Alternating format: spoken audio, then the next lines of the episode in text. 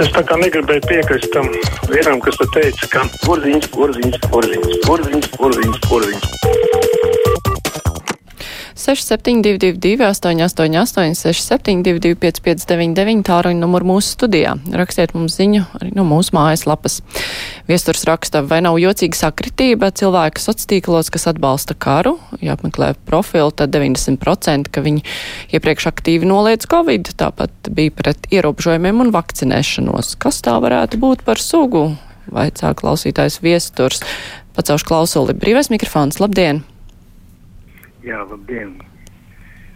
Es tā ceru tomēr, ka beidzot mūsu vadošie valdība un Rīgas doma apdomāsies un tiešām nepieļaus to Krievu fašistu pēcnācēju ālēšanos atkal uzvaras laukumā. Tā ir vienkārši, es nezinu, kā to nosaukt. Mūsu dienās, kad slepkavo un bendē nevainīgus cilvēkus, bez iemesla atļaut šiem tēlēties, Pietiek jau, ka latvieši slepkavoja un sūtīja Sibīriju. Un vēl šodien to dara. Ārprāts. Jā, paldies. Nu, solījums skan no visām pusēm, ka nekas tāds netiks pieļauts. Klausītāja Ina raksta, labdien, daudz runājam par sankcijām, vai arī žurnālisti varētu tām pievienoties un uzdot jautājumus ielās Krievu valodā runājošiem, lūgt atbildēt latviešu valodā, tā izrādot cieņu mūsu valstī un valodai. Tā saka klausītāja Ina. Tā, paceļ klausulu, brīvais mikrofons, labdien!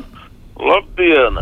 Nu, prieks, ka beidzot sākuši runāt par to, ka mūsu tautas ienaidniekiem ir jāatņem pilsonība. Žēl, ka viņi nerunā arī par to, ka viņus vajag izraidīt no valsts, jo tikai atņemot pilsonību vien nekas nebūs līdzēts. Un tiešām laikraksts DDD vienīgais, kas jau 20 gadus aktīvi runāja par Latvijas dekolonizāciju, un diemžēl izlikās visi pārējie mēdī, ka tāda laikraksta nav. Un ka tās lietas nav risināmas tā, kā šis laikraksts to piedāvā, bet, diemžēl, dzīve parāda, ka viņu recepte ir vienīgā īstā un pareizā. Jau tagad pat mūsu varturisti iesti atzīt, ka nekāda integrācija nerealizējas un dzīvē tā nestrādā. Un vēl man atmiņā palika, kā PSRS laikos, kad intervēja amerikāņus, tad likās, ka visi ir komunisti un visi ir par padomu savienību, tikai nes kāpēc komunistu partija tā nekad netika pārstāvēta kongresā. Un tagad arī, kad intervēja Ungārus, likās, ka visi Ungāri kā viens ir pret Orbānu, bet nu kā tas sanāca, ka Orbāns tomēr diezgan nomācāšu pārsvaru uzvarēja. Nu tā redzams, ka ir speciāli atlasīti cilvēki un tā kā brīvā mikrofonā atlasa cilvēkus, kuri drīkst un kuri nedrīkst runāt, tāpat arī intervējot atlasīt īpašus cilvēkus, kuriem tad tiek dots vārds, jo kuri runā tā kā Sorosam vajag. Jā, saka, Aivar, drīkst jūs pārtraukt un uzdot vienu jautājumu jums? Jā, lūdzu. Bijāt gājienā Daugavpilī? Nu, man tur bija citas svarīgākas lietas jākārto, bet redzēt, ir vēl viena tāda lieta. Es neesmu Zelenska atbalstītais, jo viņš, manuprāt, tomēr ir grievs cilvēks, bet ja tur būtu labējā sektora karoks un uh, cilvēki no turienes, tad gan es ietu, jo es tikai tos uzskatu par varoņiem, un tāpat arī arī Zelenska tautietis Boris Tamahins arī vairāk kārt ir aizrādījis, ka Zelenska ceļš ved uz nodevību, un viņu atbalstīt šī gadījumā tas būtu nepareizīgi. Viņš nodot tos cilvēkus, kas cīnās frontē, un viņš darbojas aizmuguriski pret viņiem. Tā ir Tā jūs uzskatāt. Nu, skaidrs. Labi, paldies par informāciju. Ļoti uh, dairunīgi. Klausītājs zvana. Labdien, brīvais mikrofons. Labdien! Labdien! Halo! Jā, jūs esat ēterā. Labdien! Jā, es par latviešu valodu. Pēc manām domām latviešu valodu vajadzētu jau sākt mācīt bērnu dārzos, kā bērniņš iet bērnu dārzā. Tā viss mācības, viss uh, audzināšana notiek latviešu valodā un nebūtu problēmas ar latviešu valodu. Un skolās arī vajadzētu būt valsts skolām, kur visi kopā bērni mācās, gan citautieši, gan latvieši, un, un tad būtu arī draudzība lielāka, un nevajadzētu skolām vienām ar otru karot. Un varbūt, ka nevajadzētu nemaz tās privātās skolas tik daudz, ka mēs nezinām, no kurienes nauda nāk. Vēl tāds mm -hmm. jautājums. Varētu žurnālisti papētīt, kā tur ar to abrēnu bija, ka mēs atdevām. Kalvīts arī Maskavā sēdēja toreiz. Mm -hmm.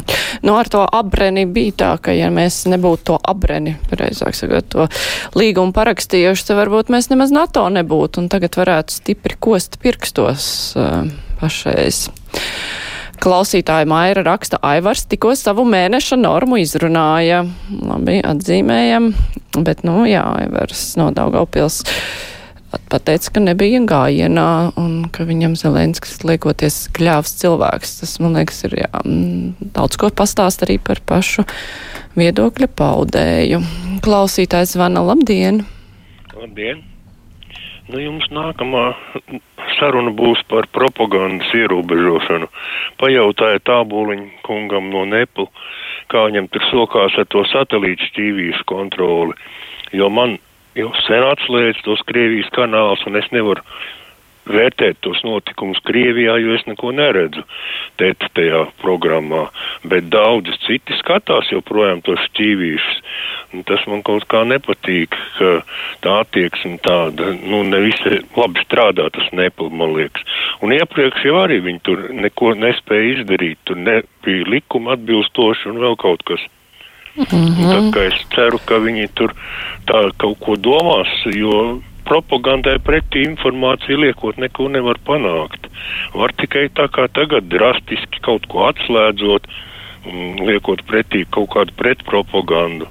Bet mums jau nekas netika darīts, netika skaidrots, tā kā daudz skaidroja tos e, raidījumus, analizēja, ko tur tas Kremlis saka, un viņi analizēja, bet pie mums tādas analīzes nebija.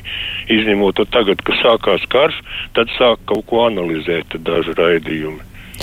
Jā, paldies par jūsu viedokli. Es pierakstīju arī jautājumu. Toms raksta, nu gan laiki pienākuši Māra tiešēdē diskutēja ar Daugopils Aivaru. Oho, es nediskutēju, es tikai uzdevu vienu vienīgu jautājumu. Anna raksta, Jansone, vai bijāt Daugopilī gājienā? Ja nē, kā tad tā? Un es atšķirībā no Aivara no Daugopils nedzīvoju Daugopilī. Tā, klausītājs zvana brīvais mikrofons. Labdien! Labdien! Nu, varbūt ar šito slepkavošanu vienreiz pielikt punktu, lai nojauktu to monstru Krievu armijas slavināšanu.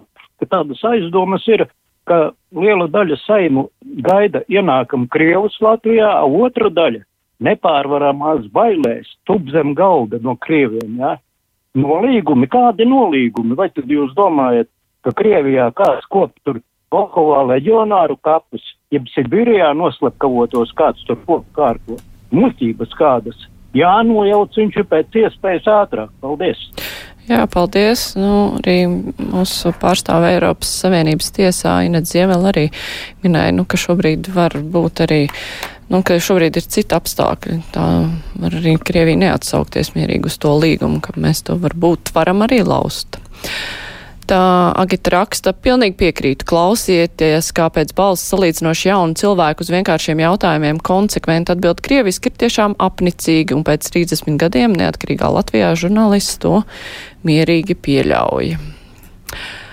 Tā klausītājs Roberto raksta Facebookā Delfa publicē par buču, bet 70% komentētāju saka, ka tas ir fake, no kurienes viņas meļas informācija, propaganda turpinās. Nu, tie komentētāji, tie varbūt ir tie mākslīgie komentētāji, nu, troļļi, kas to visu komentē un mēģina radīt iespaidu, ka tā domā vairākums. Klausītājs zvana, labdien, brīvais mikrofons. Halo! Labdien! Halo! Esat ēterā, sveicināti! Es gribētu šito teikt, teikt, ka nav ko dīties mums Latvijā. Putins nemaz nenāks taču uz Latviju. Ko viņam te darīt? Palikuši vieni pensionāri, un ko viņš te darīs? Ņems mūsu pensionārus sev, viņam savu pietiek pensionāru. Tad nu, es nebaidos. Es zinu, ka viņš nemūžam nenāks uz šejieni, viņam te nav ko darīt. Nav ko te vairāk pie mums ņemti. Jā, paldies. Nu. No vienas puses, nē, es priecājos, ka jūs nebaidaties. Tā ir noteikti mierīgāk un patīkamāk dzīvot, bet uh, tikpat labi, nu, Ukrainā tad ir ko ņemt. Ukrainā tur jā, ņem mantas un nogalina cilvēkus. Tā kā vienmēr kaut kur var atrast, ko ņemt un ko nogalināt. Tā kā, nu, pamatoties uz to, ka Putins visu dara ļoti racionāli un pēc tādām normām vadoties, kādas te mums ir pieņemts, nu, tas ir diezgan naivi. Klausītājs zvana brīvais mikrofons. Labdien! Labdien, esat ēterā. Pazuda klausītājs. Ceļu vēl klausuli. Brīvais mikrofons. Labdien! Atkal neko nevar dzirdēt. Es varu runāt. Ā, tagad varat gan, jā. Lūdzu, lūdzu. Es gribēju pateikt, lūdzu, neceliet naidu, nebūs jāmaksā par drošību. Tas ar tā ļoti vienkāršoti skan. Jā, nu, ko nozīmē neceļiet naidu? Kurš tad ir tas naida cēlājs? Manā skatījumā tas ir robežas tās pusē, nevis mūsējā. Tā klausītājs Arnolds raksta, lai tagad te saka, ko grib, bet kaut kādam fašistu kroplim neļaušu apriet Volodemiru Zelenski slava Ukrainai. Jā, nu, Arnolds arī ne, apsaukājās. Man nepatīk, ja cilvēki apsaukājās, bet, nu, katrā ziņā uzzināt, ko kurš domā, ir ļoti veselīgi, manuprāt. Klausītājs zvana, brīvais mikrofons, labdien! Halo, labdien! Sveicināti! Man sauc Normons. Klausījos tikko raidījumu un sapratu Mārka. Būtu labi tomēr kārtējo, kārtējo reizi atkārtot vēlreiz un vēlreiz, ka NATO mēs iestājāmies 2004. gadā, bet dokuments par abrenu sadošanu 2007.